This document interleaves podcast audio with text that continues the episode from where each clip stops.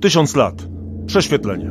Podcast Muzeum Historii Polski o najważniejszych wydarzeniach w historii Polski. Zaprasza Łukasz Starowiejski. Syberia. Mało słów ma dla Polaków tak jednoznaczne i złowrogie brzmienie. Całym pokoleniom kojarzyło się ze zsyłkami, katorgą i terrorem. Ale to tylko ciemna strona historii tej niezwykłej i tajemniczej krainy. Dziś powędrujemy na drugą, jasną stronę, bo Polacy dokonywali tu wielkich rzeczy. Niezwykłe odkrycia naukowe, imponujące budowle, oszałamiające fortuny. To Polak nazywany był syberyjskim królem wódki, założył pierwszą fabrykę czekolady czy kiosk z gazetami. I wcale nie wszyscy byli zesłańcami czy więźniami. Wielu przybyło tu dobrowolnie po lepsze życie. Dla nich Syberia jawiła się jako tak, tak, ziemia obiecana. Dziś w podcaście zapraszam w podróż właśnie do tej niezwykłej krainy. Wejdziemy w buty niezwykłych naukowców, sprytnych biznesmenów, poszukiwaczy przygód i niespokojnych duchów, którzy ze swoimi marzeniami udali się niemal na koniec ówczesnego świata, na tereny z perspektywy ich współrodaków przeklęte. Tymi śladami podążymy wraz z Mateuszem Będkowskim z Muzeum Historii Polski. Witam. Dzień dobry panu, dzień dobry państwu. Część pierwsza. Syberia. Kraina bólu, kraina możliwości. Chciałbym naszą rozmowę rozpocząć od cytatu Ksawerego Pruszyńskiego z książki Noc na Kremlu. Jeśli Niemcy uważają, że wkład ich narodu w naszą cywilizację jest duży, to jest on przecież niczym w porównaniu z wkładem polskim w kraju za Uralem. To nasz inżynier budował tam drogi i koleje, wytyczał i skarby kruszców odkrywał i ziemiami zarządzał i przedsiębiorstwa handlowe zakładał i szkoły wznosił. Mało który naród świata zdobył się na tak wielki wysiłek cywilizacyjny jak zniewolona Polska na niepolskiej Syberii. Nie trzeba głębiej patrzeć, w tych krajach żywa jest jeszcze pamięć tej polskiej cywilizacji. Idąc tym tropem, jest takie stwierdzenie, że Rosjanie Syberię odkryli, a Polacy skolonizowali. Słusznie? Wydaje mi się, że jest to dobry slogan, ale rzeczywistość chyba była jednak trochę inna, ponieważ Polaków, jeżeli chodzi o dane statystyczne, wcale nie było tak dużo, bo pod koniec XIX wieku na e, niecałych 6 milionów osób mieszkających e, na Syberii Polaków było około 52 tysiące z tego, co, co pamiętam, więc y, nie jest to ogromna liczba, natomiast wnieśli oni ogromny wkład w naukowe opisanie i poznanie tej krainy. Można wymienić chociażby lekarza Benedykta Dybowskiego, który badał florę i faunę Bajkału, czy etnografa Wacława Sieroszewskiego, który poznawał zwyczaje Jakutów, albo chociażby E, geologa e, Karola Bohdanowicza, który szukał złóż różnych minerałów od e, Uralu aż po Kamczatkę. Bardziej mm, był to wkład jakościowy niż ilościowy czy liczbowy. To jest prawda, zresztą zaraz będziemy o tych i polskich naukowcach, ale i polskich budowniczych, ale też o polskich przedsiębiorcach będziemy rozmawiali w kolejnych częściach rozmowy. Ja tylko bym zaczął może od tego, żeby powiedzieć, jak ta kraina wygląda, bo to jest kraina, która ma od 10 do 12 milionów kilometrów kwadratowych. Europa ma 10 milionów kilometrów kwadratowych, Stany Zjednoczone 9. W współczesnej polskiej literaturze generalnie przyjmuje się, że Syberia to jest kraina od Uralu na zachodzie po Kamczatkę na wschodzie i od Oceanu Arktycznego na północy po stepy i góry Azji Środkowej. Czy jest to może nawet 13 milionów kilometrów kwadratowych, ale to, to zależy, jakie granice przyjmiemy. Czyli jesteśmy w takim miejscu ogromnym, tak naprawdę. Tak. Co tu dużo mówić. E, do tego, w takiej obiegowej opinii, miejscem praktycznie nie do życia. To znaczy ekstremalne zimy. Zwłaszcza północne obszary Syberii znajdują się w klimacie okołobiegunowym i to właśnie ten wizerunek najbardziej pasuje do, do tych obszarów. Natomiast większość terenu Syberii cechuje klimat umiarkowany chłodny. Są tam bardzo wysokie amplitudy temperatur. Latem e, temperatury mogą sięgać około plus 30 stopni Celsjusza, czyli tak jak u nas mniej więcej. E, natomiast zimy są bardzo srogie i w niektórych regionach minus 40 stopni Celsjusza czy minus 50 to nic e, niezwykłego. Wiemy już mniej więcej, gdzie jesteśmy, chociaż to rozległa przestrzeń, trudno ją objąć tak naprawdę nawet wyobraźnią, to rozmawiamy o tych Polakach. Skąd oni się tam wzięli na tym końcu świata i od kiedy, e, od kiedy można mówić, że, że tam się pojawiają? Pierwsi Polacy na Syberii pojawili się na przełomie XVI i XVII wieku. Byli to głównie jeńcy wojenni. Najpierw były to dość niewielkie, niewielkie kilkunasto, kilkudziesięcioosobowe grupy. W ciągu całego XVII stulecia szacuje się, że zesłano na Syberię kilka tysięcy Pierwsza duża partia polskich jeńców trafiła po upadku Konfederacji Barskiej, no a potem po kolejnych powstaniach. To były takie tak, fale. Jeszcze, jeszcze insurrekcja kościuszkowska, to jeszcze jak Rzeczpospolita istniała i później już tak, te największe fale po powstaniu listopadowym i styczniowym e, miały miejsce. Jak to wyglądało, jeśli chodzi o powroty? Bo wydawałoby się, że no jeżeli już z tego piekła zwalniają, to, to każdy powinien jak najszybciej z niego uciekać. Ale to chyba nie jest do końca prawda. I od tego XVII wieku patrząc, to sporo tam osób po tych zsyłkach, nawet po zakończeniu kar, zostawało. Część z nich się asymilowało jednak tam. Tak, to prawda. Zakładali rodziny w ramach stopniowego znoszenia kary. To jest e, dość trudny temat do omówienia. Znaczy mówimy o tym, że była katorga i zesłanie. Katorga wiązała się innymi z przymusową pracą. No właśnie, trzeba odróżnić te dwie kategorie, tak. katorżników i tych zesłanych, bo, tak. bo to jest zasadnicza różnica dla tego, co, e, co, co, co, oni, e, co się działo z nimi na Syberii. To zależy od okresu przede wszystkim, bo to prawo się zmieniało i nie zawsze było egzekwowane.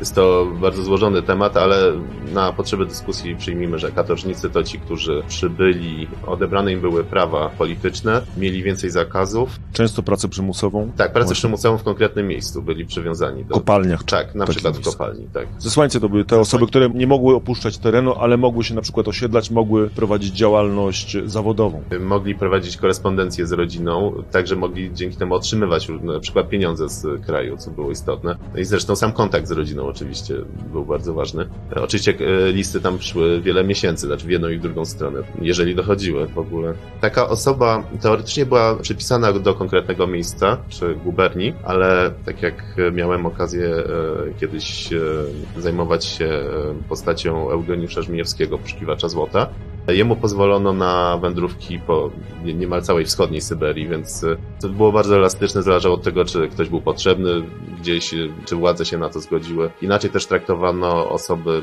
powiedzmy, przydatne, czyli e, naukowców, lekarzy, lekarzy tak. architektów, tak, urzędników. Tak, często na zesłaniu zaczynali swoją pracę we własnym zakresie, znaczy tworzyli na własne środki sprzęt e, do pomiarów tak jak na przykład polscy badacze Bajkału, najgłębszego i najstarszego jeziora e, świata.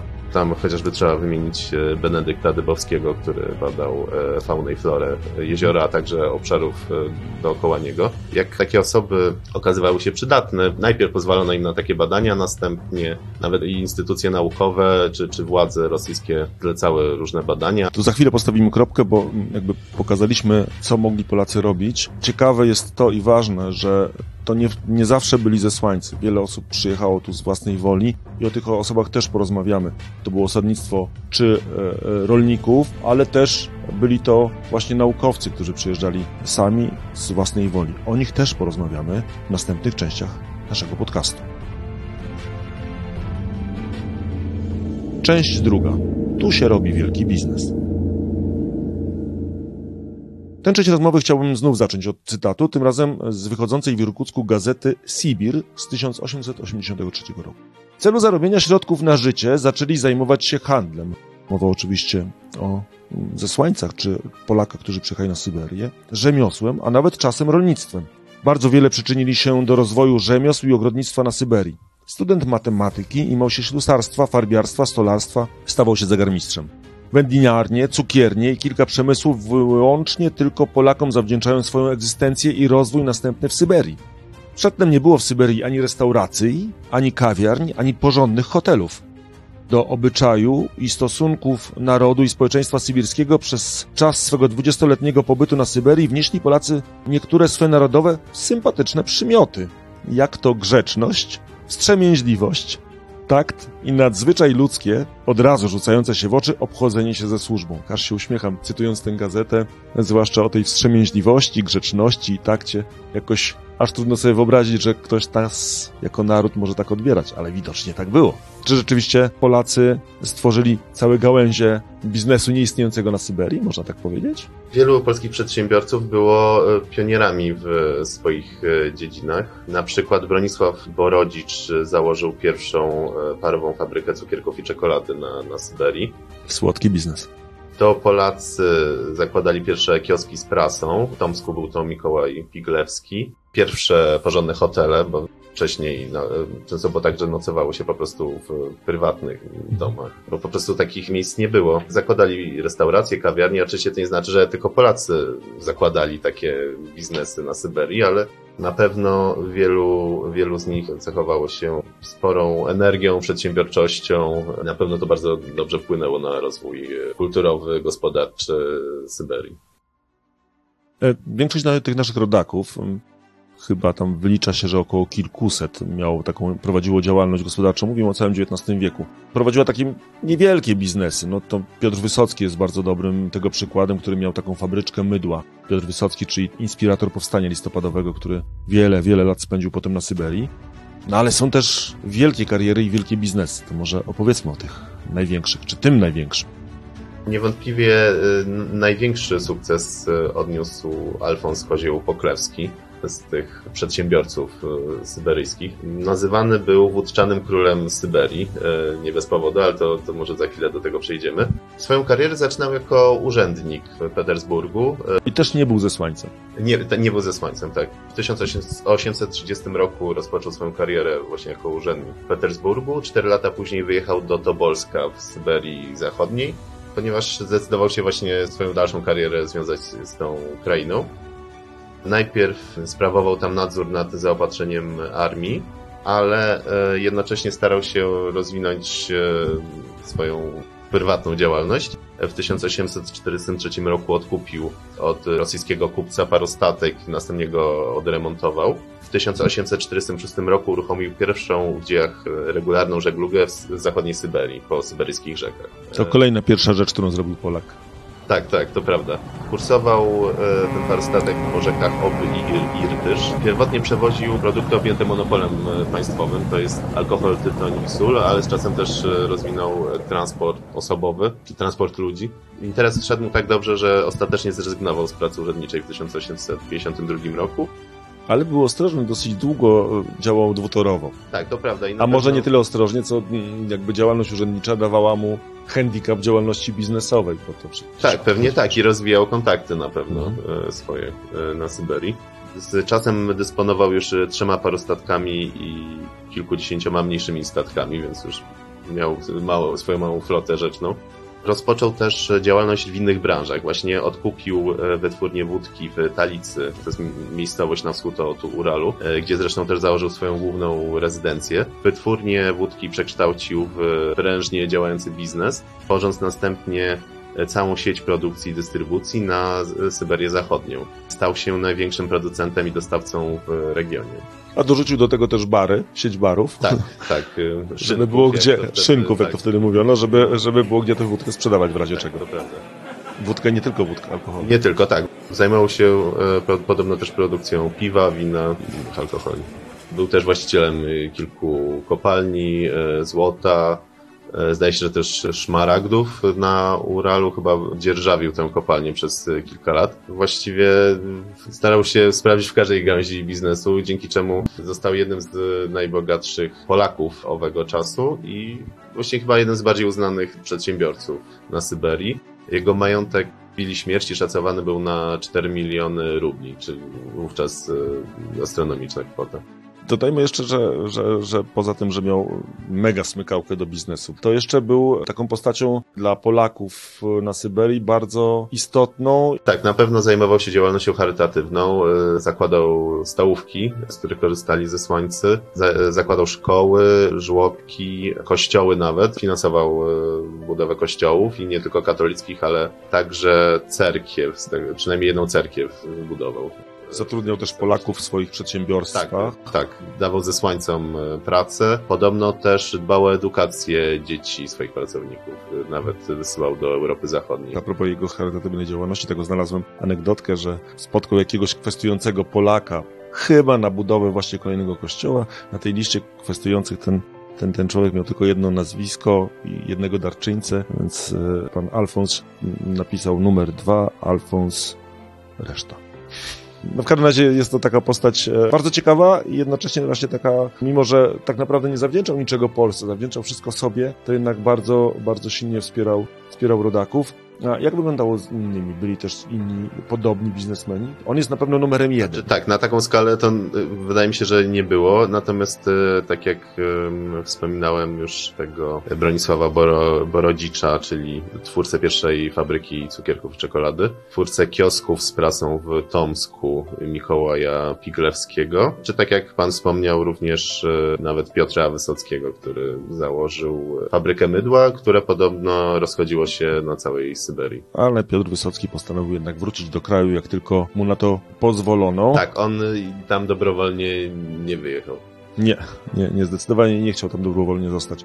Ale Polacy jeszcze, poza tym, że właśnie robili różne biznesy i byli często prekursorami, no to trzeba wspomnieć też może w tym miejscu o tym, że byli też w dużej mierze, albo w jakiejś części budowniczymi Syberii, bo wyjechało tam kilku architektów, projektowali ważne budynki, ważne miejsca, wodociągi. Myślę, że warto wspomnieć o kolei transsyberyjskiej, jako iż szacuje się, że wśród kilkudziesięciu tysięcy robotników, którzy pracowali przy budowie tej najdłuższej kolei na świecie, 18-20% stanowili właśnie Polacy. Więc nie tylko mówimy tutaj o architektach czy inżynierach, ale także o zwykłych robotnikach.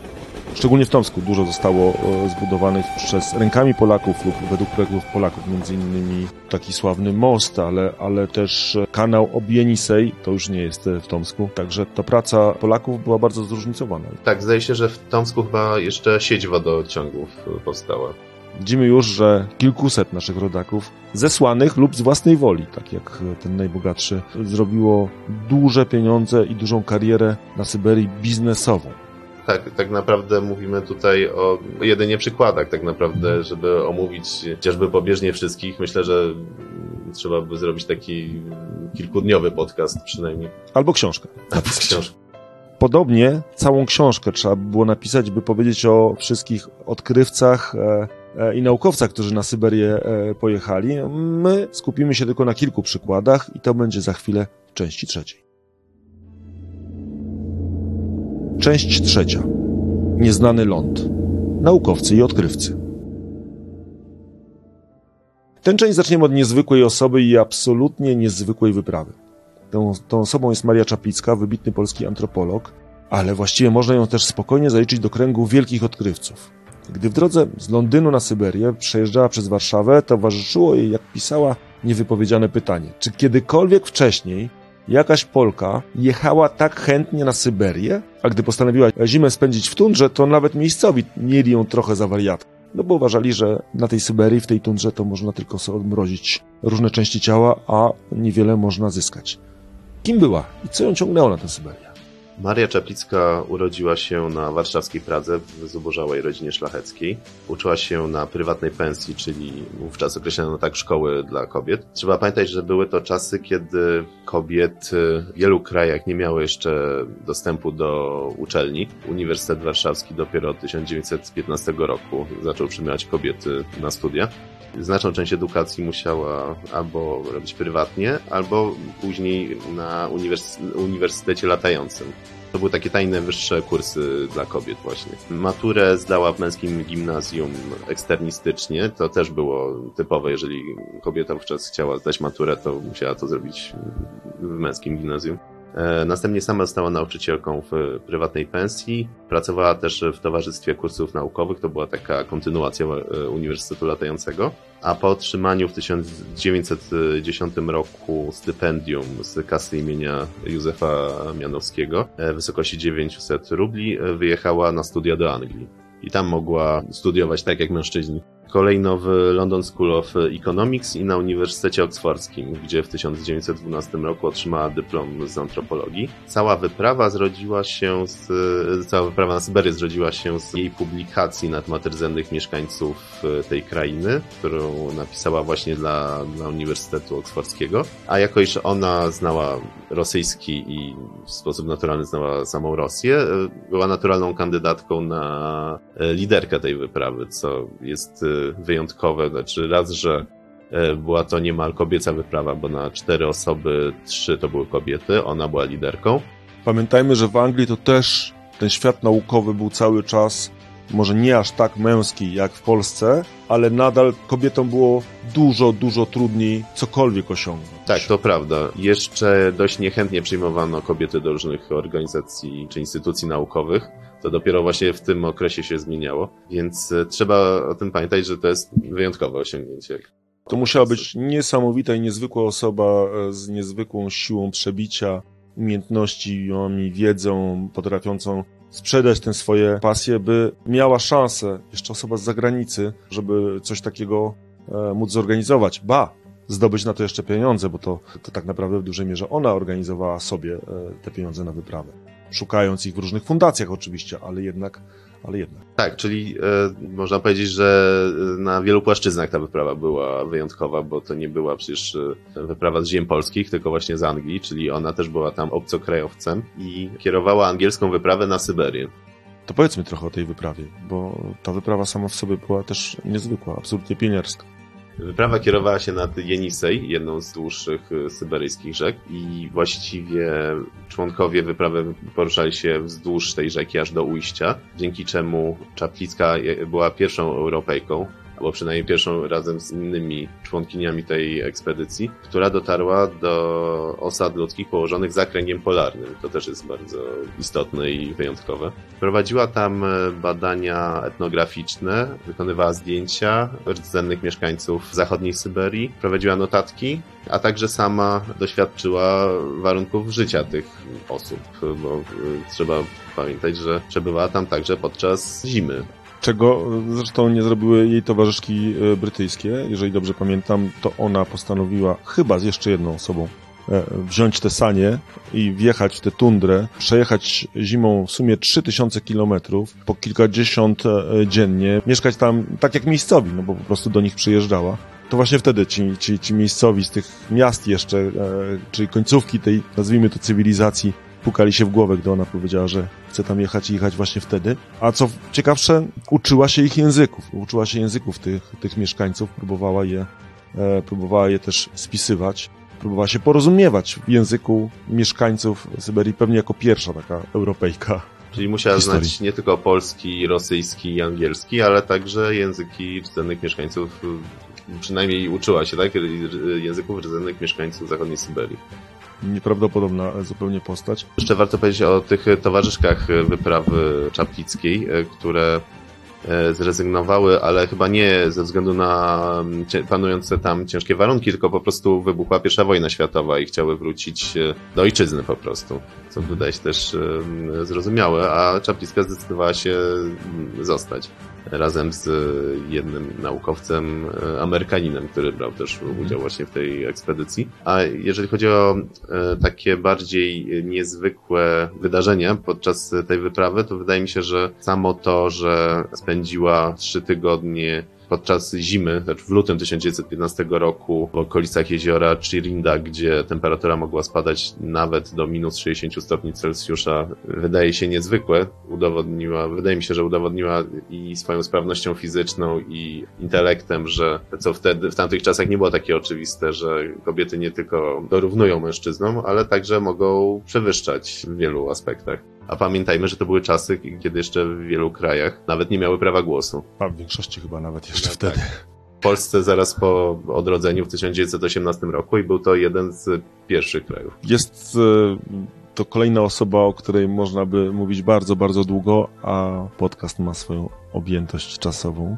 A mamy też całą kolejkę innych naukowców. Już kilku e, wymienił Pan, ale, ale możemy tutaj w tym momencie przybliżyć te takie największe polskie odkrycia i badania na Syberii. W kilku słowach, no bo, no bo o każdym z nich oczywiście można e, opowiedzieć e, mnóstwo i pewnie każdy z nich zasługiwałby właśnie na tę osobną książkę.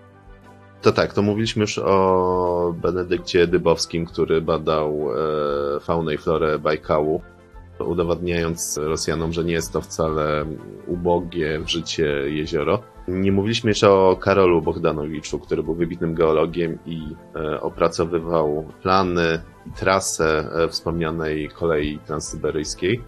Możemy wymienić innego wybitnego geologa Jana Czerskiego, który również e, badał okolice Bajkału pod względem właśnie budowy.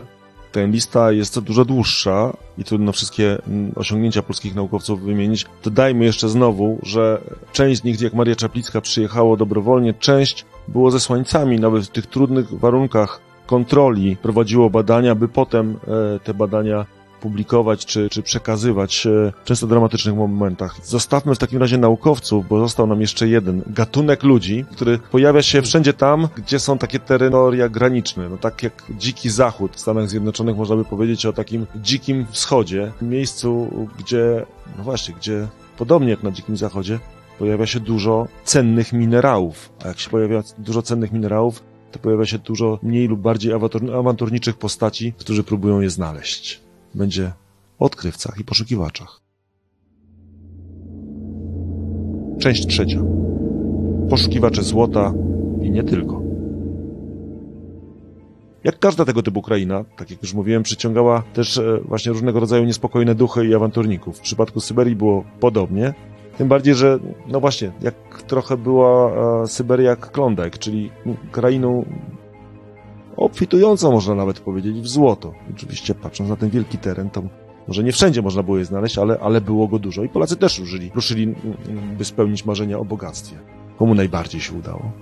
Jeżeli e, chodzi o takich, e, znaczy nie właś bogatych właścicieli kopalni, jak wspomniany przez nas e, Pokrewski, tylko takich właściwych poszukiwaczy, to ciężko stwierdzić, ponieważ raczej się tym nie, nie chwalono chociażby w, w, relacjach z pobytu na, na Syberii, a większość osób jednak, podobnie jak w innych obszarach świata, gdzie wybuchały gorączki złota, raczej straciła albo powiedzmy przynajmniej na zero wychodziła, bo jeżeli ktoś coś zarobił, to potem tracił te pieniądze bardzo szybko. Był napadany, albo po prostu tracił, bo prowadził hulaszczy tryb życia a i tak dalej, i tak dalej. To wszystko to jest jakby ta sama historia, która była we wszystkich miejscach, gdzie były gorączki złota. Handlarze, pośrednicy, którzy wyzyskiwali, rabusie, którzy rabowali, te wszystkie niebezpieczeństwa tego życia e, tam też były.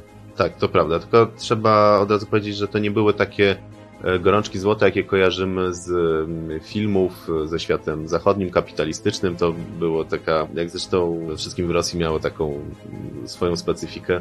Znaczy przede wszystkim podstawowa różnica złoto nie należało do tego, kto je wydobywał, tylko należało do państwa.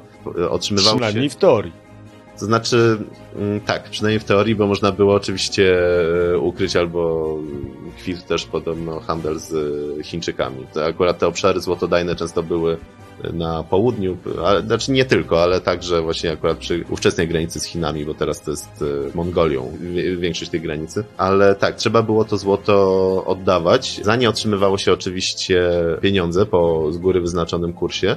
Natomiast ciężko było, e, byłoby e, indywidualnym poszukiwaczom, tak jak było to na, nie wiem, w Australii czy w Ameryce, podejmować takie poszukiwania, ponieważ to wiązało się z różnymi formalnościami, zgłaszaniem tego do odpowiedniego urzędu. Te miejsca od siebie, znaczy chociażby urząd i e, miejsce złotodajne oddalone było często o setki kilometrów, więc w praktyce rejestrować miejsca, gdzie zakładano kopalnie, mogli bogaci kupcy, przedstawiciele wyższych wyższych warstw społecznych i tak dalej. Natomiast ktoś musiał w tej kopalni pracować. E, często byli to dawni zesłańcy, e, obecni zesłańcy i niekoniecznie polityczni, bo oczywiście trzeba powiedzieć, że z Syberią jest związanych dużo polskich zesłańców kryminalnych, e, o czym się mało mówi, ale oczywiście też tacy trafiali. Jak każdy obywatel państwa carskiego, jak przeskrobał tak. coś, mógł wylądować na Syberii, często lądował. Więc trzeba też pamiętać, że byli to również y, pospolici przestępcy, a nawet... A nawet niepospolici. Wiem na myśli, że nawet nie patrząc na narodowość, to oczywiście tych pospolitych przestępców było tam więcej zsyłanych niż mm. tych politycznych, choć oczywiście my jako Polacy pamiętamy o tych powstańcach, działaczach niepodległościowych i tak dalej, więc patrzymy to pod innym kątem trochę na, na, na, na mhm. to zagadnienie. Oprócz takich, powiedzmy, zwykłych pracowników kopalni, były też osoby, które organizowały całe wydobycie, które zapewniały zaopatrzenie, które wyszukiwały właśnie nowych miejsc do wydobycia. Należał do nich Eugeniusz Mijewski i wydaje mi się, że to jest jedna z ciekawszych osób, która związana była ze złotem w połowie XIX wieku, jeden z najciekawszych spośród Polaków. Napisał on bardzo ciekawą relację sceny z życia koczującego. To jest y, książka trzytomowa, ale przynajmniej dwa tomy są zdigitalizowane i dostępne dla wszystkich. Polonie zdaje się jest. Więc y, wszystkim y, zainteresowanym tym tematem polecam, bo jest to bardzo mało znana relacja, bardzo ciekawa. Zwłaszcza, że wiąże się ona z tematem naszego podcastu, ponieważ Żmijewski bardzo mało poświęcił miejsca w niej katordze, syłce, a pisał bardziej Oczywiście pewnie trochę koloryzował, ale pisał bardziej tak przygodowo, podróżniczo. Momentami, e, oczywiście pomijając nazwy geograficzne, imiona, e, walutę, która tam jest opisywana, momentami e, mamy wrażenie, że czytamy jakiś western czy inną książkę. Eastern w tym wypadku. Eastern, tak. Mm, tak, Eastern wszystkim zainteresowanym bardzo polecam tę książkę. I on właśnie zajmował się, e, Eugeniusz Mijewski, pracą organizacyjną i zaopatrzeniową i stał na czele wypraw, które wyszukiwały tych e, złóż, no, nowych złóż, więc miał bardzo, bardzo liczne, ciekawe przygody. Ciężko teraz wszystkie wymienić, natomiast e, zajmował się tym przynajmniej kilkanaście lat niezłym powodzeniem, bo w końcu został też właścicielem kopalni, jeżeli dobrze pamiętam. To znaczy na pewno zarządzał kopalniami i chyba tak, miały taką chyba nie jedną nawet propozycję, że mógł otrzymywać część dochodu z, z danej hmm. kopalni. Tych poszukiwaczy czy właścicieli kopalni Polaków naliczono po 1884 roku 20. To pewnie właśnie ten szczyt góry lodowej. Mówiąc o Eugeniuszu Żmijewskim, mówimy o wcześniejszych latach, tak, bo to były lata 40. do 50. XIX wieku. Pan mówi e, bardziej o tych właśnie właścicielach, trochę o innej warstwie społecznej powiedzmy.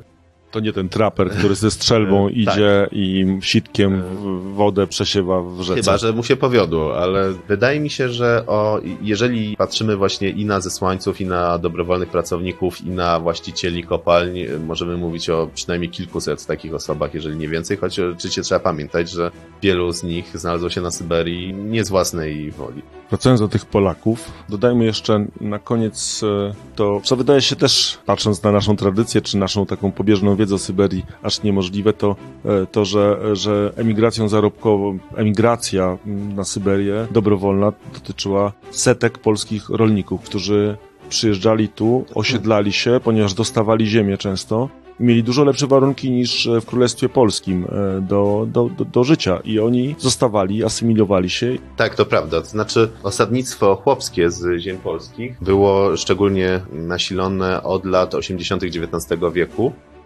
a swój szczyt miał, zdaje się, na przełomie XIX i XX wieku. Przyczyniła się do tego między innymi wspomniana już przez nas kolej transsyberyjska. No bo łatwiej która, było się dostać. Tak, to prawda, która skróciła podróż z wielu miesięcy do, tutaj mówię o całej długości, czyli do, jakby ktoś chciał do Władywostoku dojechać, do wówczas około trzech tygodni, teraz zdaje się, że podróż trwa chyba niecały tydzień. Właściwie to tym chciałbym zakończyć ten podcast, tym stwierdzeniem, że, że właśnie w, naszej, w naszych głowach, naszych polskich głowach to Syberia kojarzy się właśnie z cierpieniem, z syłkami, katorgą itd., tak itd., tak a dla wielu Polaków była to też ziemia obiecana. Tak naprawdę miejsce, gdzie sami dobrowolnie się przeprowadzili, żeby żyć, bo tu mogli sobie zapewnić lepsze warunki życia. I mam nadzieję, że mm, całym tym podcastem pokazaliśmy Państwu tą drugą twarz Syberii. Nie tylko tą twarz, którą mamy wbitą z historii, czy z języka polskiego. O tych właśnie, e, o, o bólu, o, nie wiem, torturach, więzieniu, zsyłkach itd., tak itd., tak ale właśnie to, że, że, że to było miejsce dla wielu, miejsce życia i miejsce takie nawet momentami bardzo dobrego życia. Taka właśnie jest Syberia. Dziękuję bardzo za rozmowę. Dziękuję po Syberii e, oprowadzał nas takimi nie do końca utartymi ścieżkami Mateusz Będkowski z Muzeum Historii Polski. Zapraszam na kolejne odcinki naszego podcastu, które już wkrótce. Podcastów Tysiąc lat prześwietlenie wysłuchasz na YouTube, Spotify, Google Podcast, Audiotece, a także na innych platformach podcastowych. Chcesz być na bieżąco? Subskrybuj kanał Muzeum Historii Polski.